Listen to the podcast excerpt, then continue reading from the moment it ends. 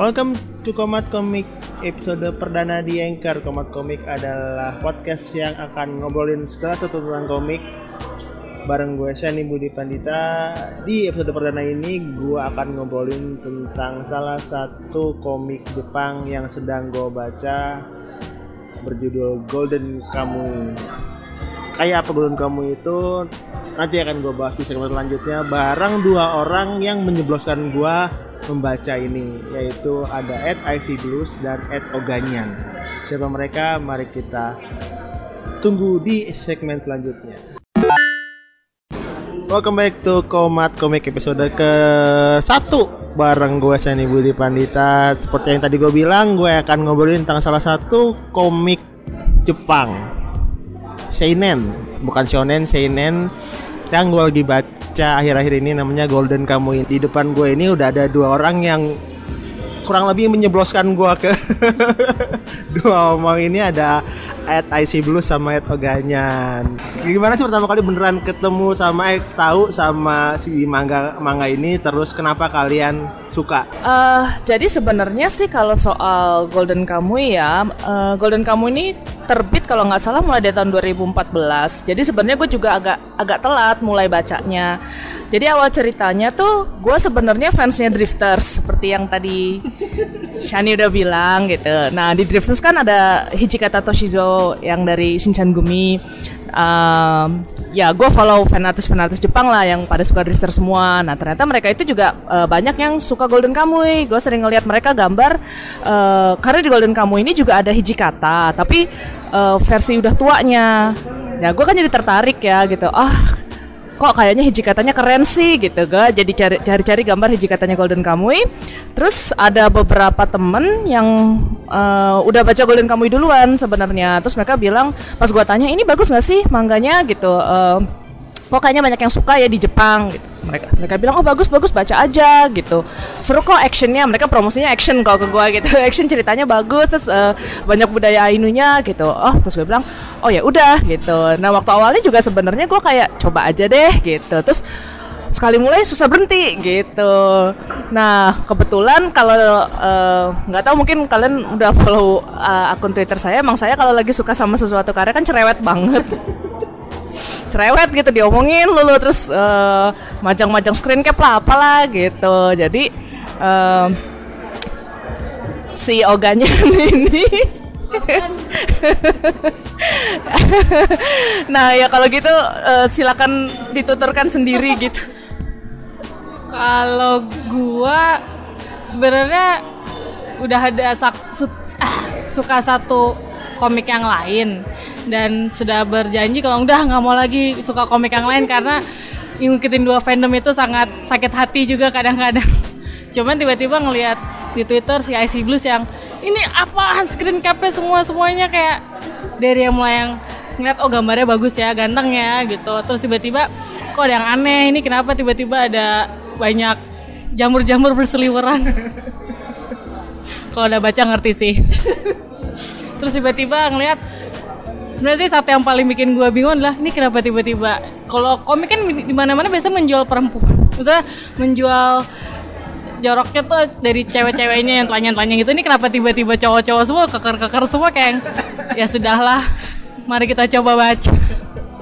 Tapi ternyata isinya bukan cuma itu doang kok. Itu cuma kayak salah satu penarik untuk jujur gue suka yaoi jadi kayak oh ya oke lumayan nih gitu gue pikir dia baca yaoi beneran ternyata bukan.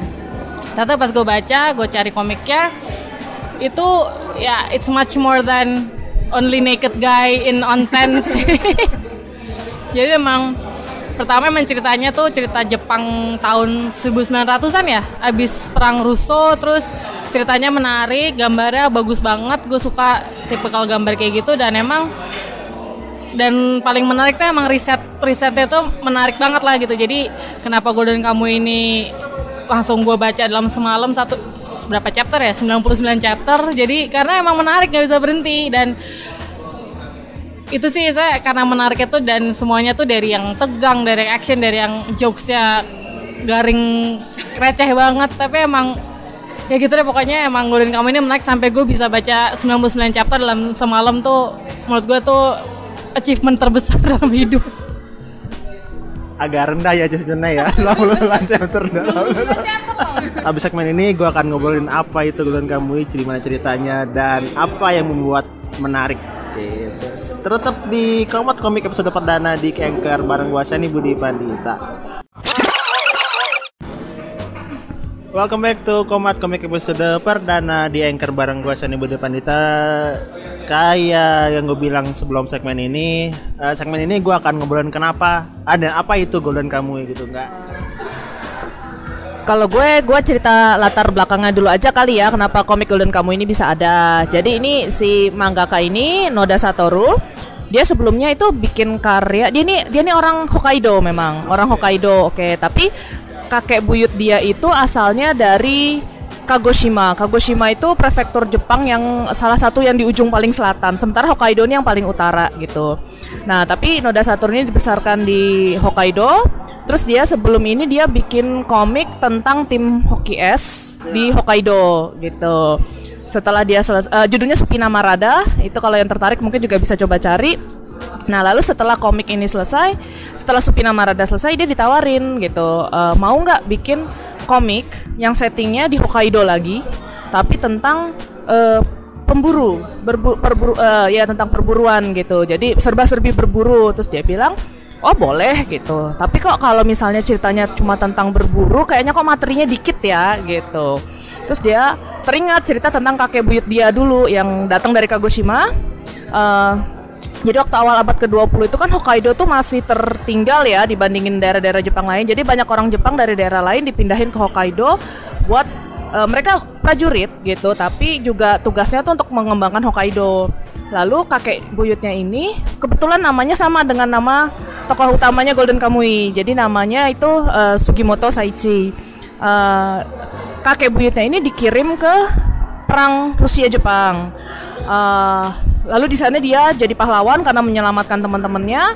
Terus dia balik ke Jepang lagi hidup sampai tua gitu. Terus dia kepikiran ah saya jadi pengen nih bikin cerita tentang uh, kakek buyut saya gitu. Minjem nama dia gitu. Jadi kalau gitu komik yang tadinya harusnya tentang berburu saya bikin tokoh utamanya uh, prajurit muda yang baru pulang dari perang Rusia Jepang uh, tapi ditambah-tambahin gitu. Jadi jadi bilang ya udah kalau di Hokkaido ini kan ada kebudayaan Ainu nih gitu. Jadi mau ditambah-tambahin juga mau ditambahin cerita tentang narapidana yang lari dari penjara perburuan emas segala macam pokoknya dia bilang pokoknya berbagai macam hal tentang Hokkaido lah saya jadiin satu gitu.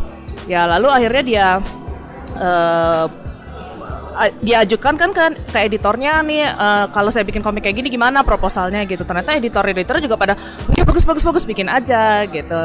Ya udah akhirnya jadilah si Golden Kamui diluncurin dan ternyata pembaca suka. Pembaca suka akhirnya uh, berapa nih tiga tahun tiga tahun empat tahun setelahnya ya ternyata mangga ini berhasil meraih penghargaan uh, Taisho ya udah tahun 2016 lalu udah udah meraih penghargaan di bidang manga terus tahun ini juga uh, udah masuk nominasi uh, Tezuka Award. Itu udah salah satu award manga tertinggi di Jepang gitu.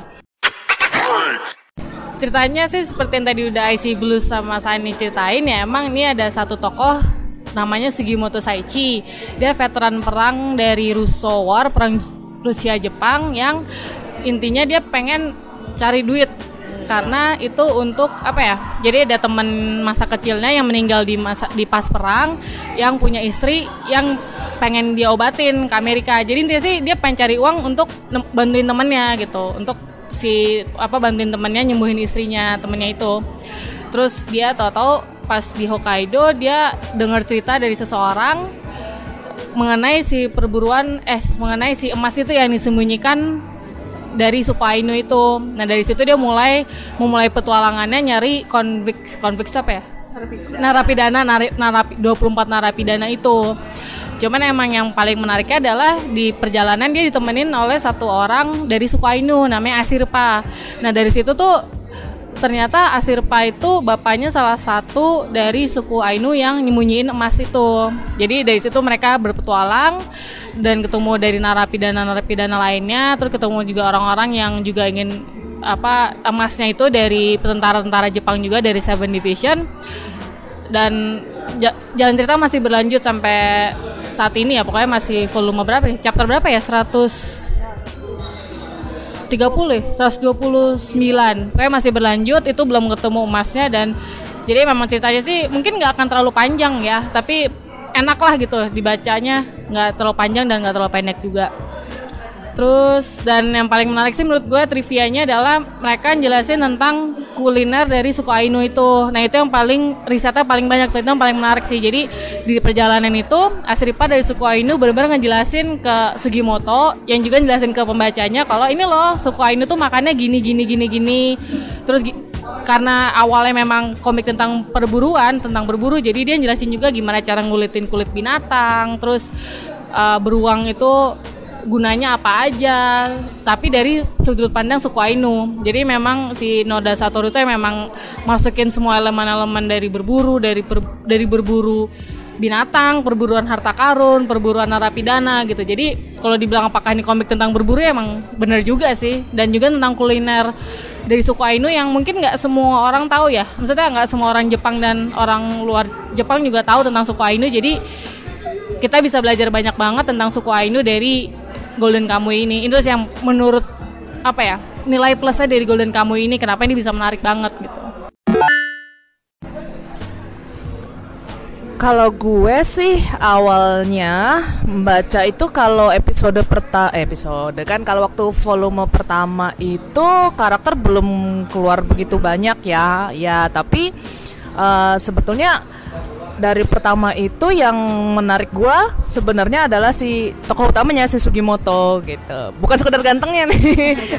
Tapi itu kok kayaknya uh, orangnya apa ya kayaknya kok karakter yang menarik gitu. Dibilang orangnya lurus lurus banget tapi enggak juga gitu. Ada ses ada sesuatu soal dia yang kita juga belum tahu gitu sampai sekarang gitu kan. Dan uh, terus uh, semakin banyak gue membaca uh, gue kebetulan suka sejarah. Terus uh, ternyata tuh Golden Kamu ini referensi sejarahnya banyak banget.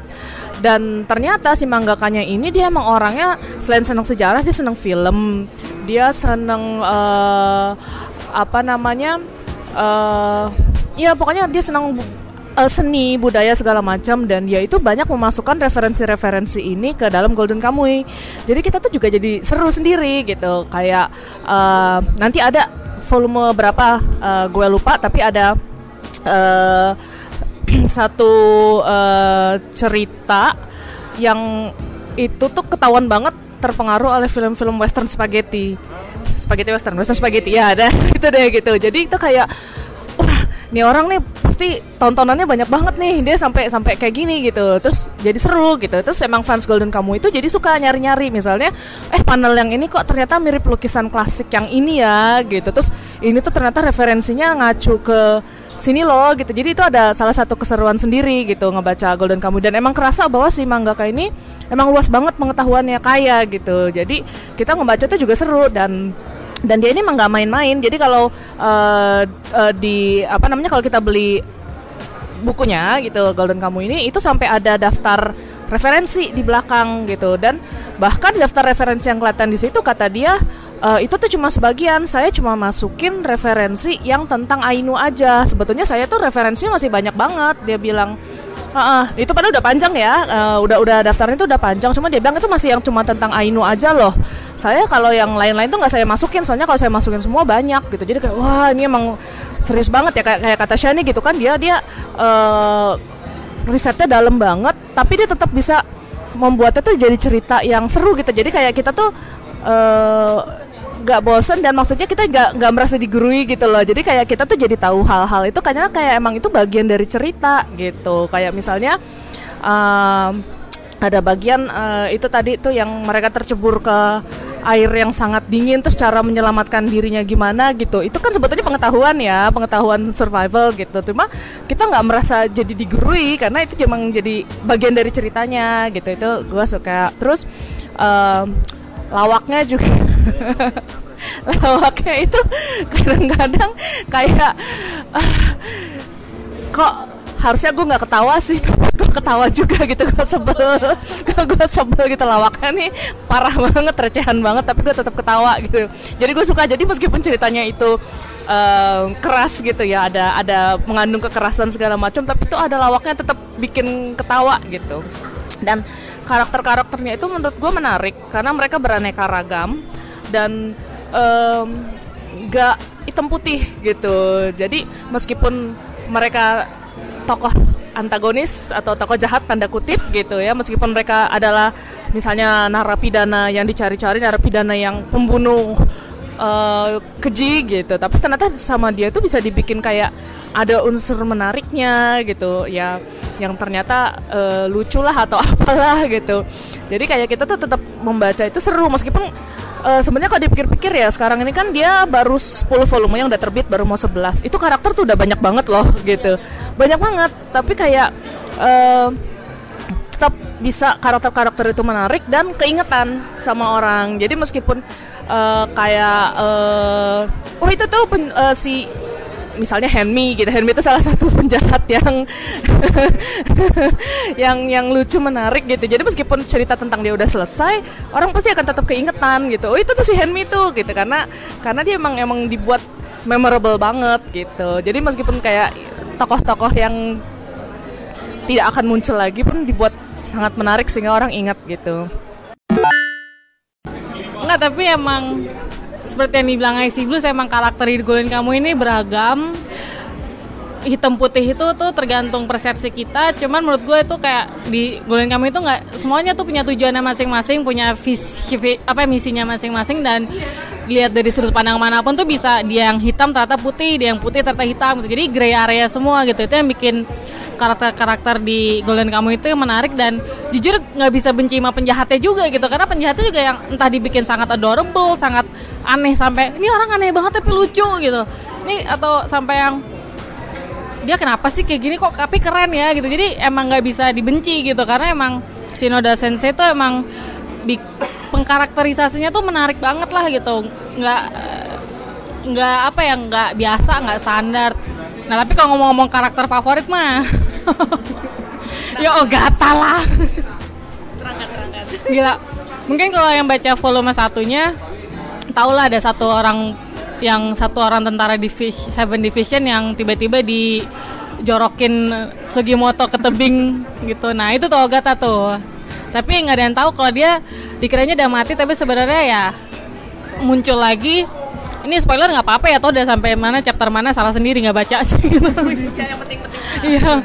Kayak intinya Ogata ini salah satu tokoh karakter Seven Division yang bener-bener di gray area deh kayak sampai sekarang pun sampai chapter 129 tuh belum ketahuan nih orang sebenarnya mihak siapa sih gitu kan. Apakah dia mihak tetap ke Seven Division atau mihak ke timnya Sugimoto gitu? Nggak ada yang tahu benar-benar nggak tahu. Kayak dia nyimpen rahasia dia sendiri dia nyimpen misi dia sendiri dan dia nggak pernah terbuka sama orang lain gitu kan. Jadi itu yang bikin menurut gue Gata tuh karakternya tuh sangat menarik gitu karena ya nggak ada yang tahu selain dia sendiri gitu. Apalagi dia masa lalunya gimana atau selain dia ganteng juga. Nggak sih ganteng kayaknya relatif ya. Maksudnya relatif lah di sini. Sebenarnya karakternya gambarnya tuh bukan tipe yang bisonen yang celing celing celing gitu. Cuman menarik banget gitu. Dan emang ya gitu. Pokoknya intinya kenapa menurut gue karakter paling menarik tuh Gata ini atau Yamaneko ih namanya aja dan Yamaneko udah. Itu dia. Yang Oganyan bilang jangan terlalu diambil hati gitu. Itu kayaknya bias dia. Tapi itu sih itu yang itu yang mulut sama kayak Asibus tadi bilang eh ya itu sejarah. Kalau kalian suka sejarah gitu kalian suka pengen tahu terutama pengen tahu tentang eh, apa ya bangsa Inu pengen tahu tentang gimana waktu perang Russo ya Jepang Rusia itu pengen tahu gimana keadaannya. Berarti ini awal awal 1900-an ya? Itu gitu baca di Golden Kamui gitu.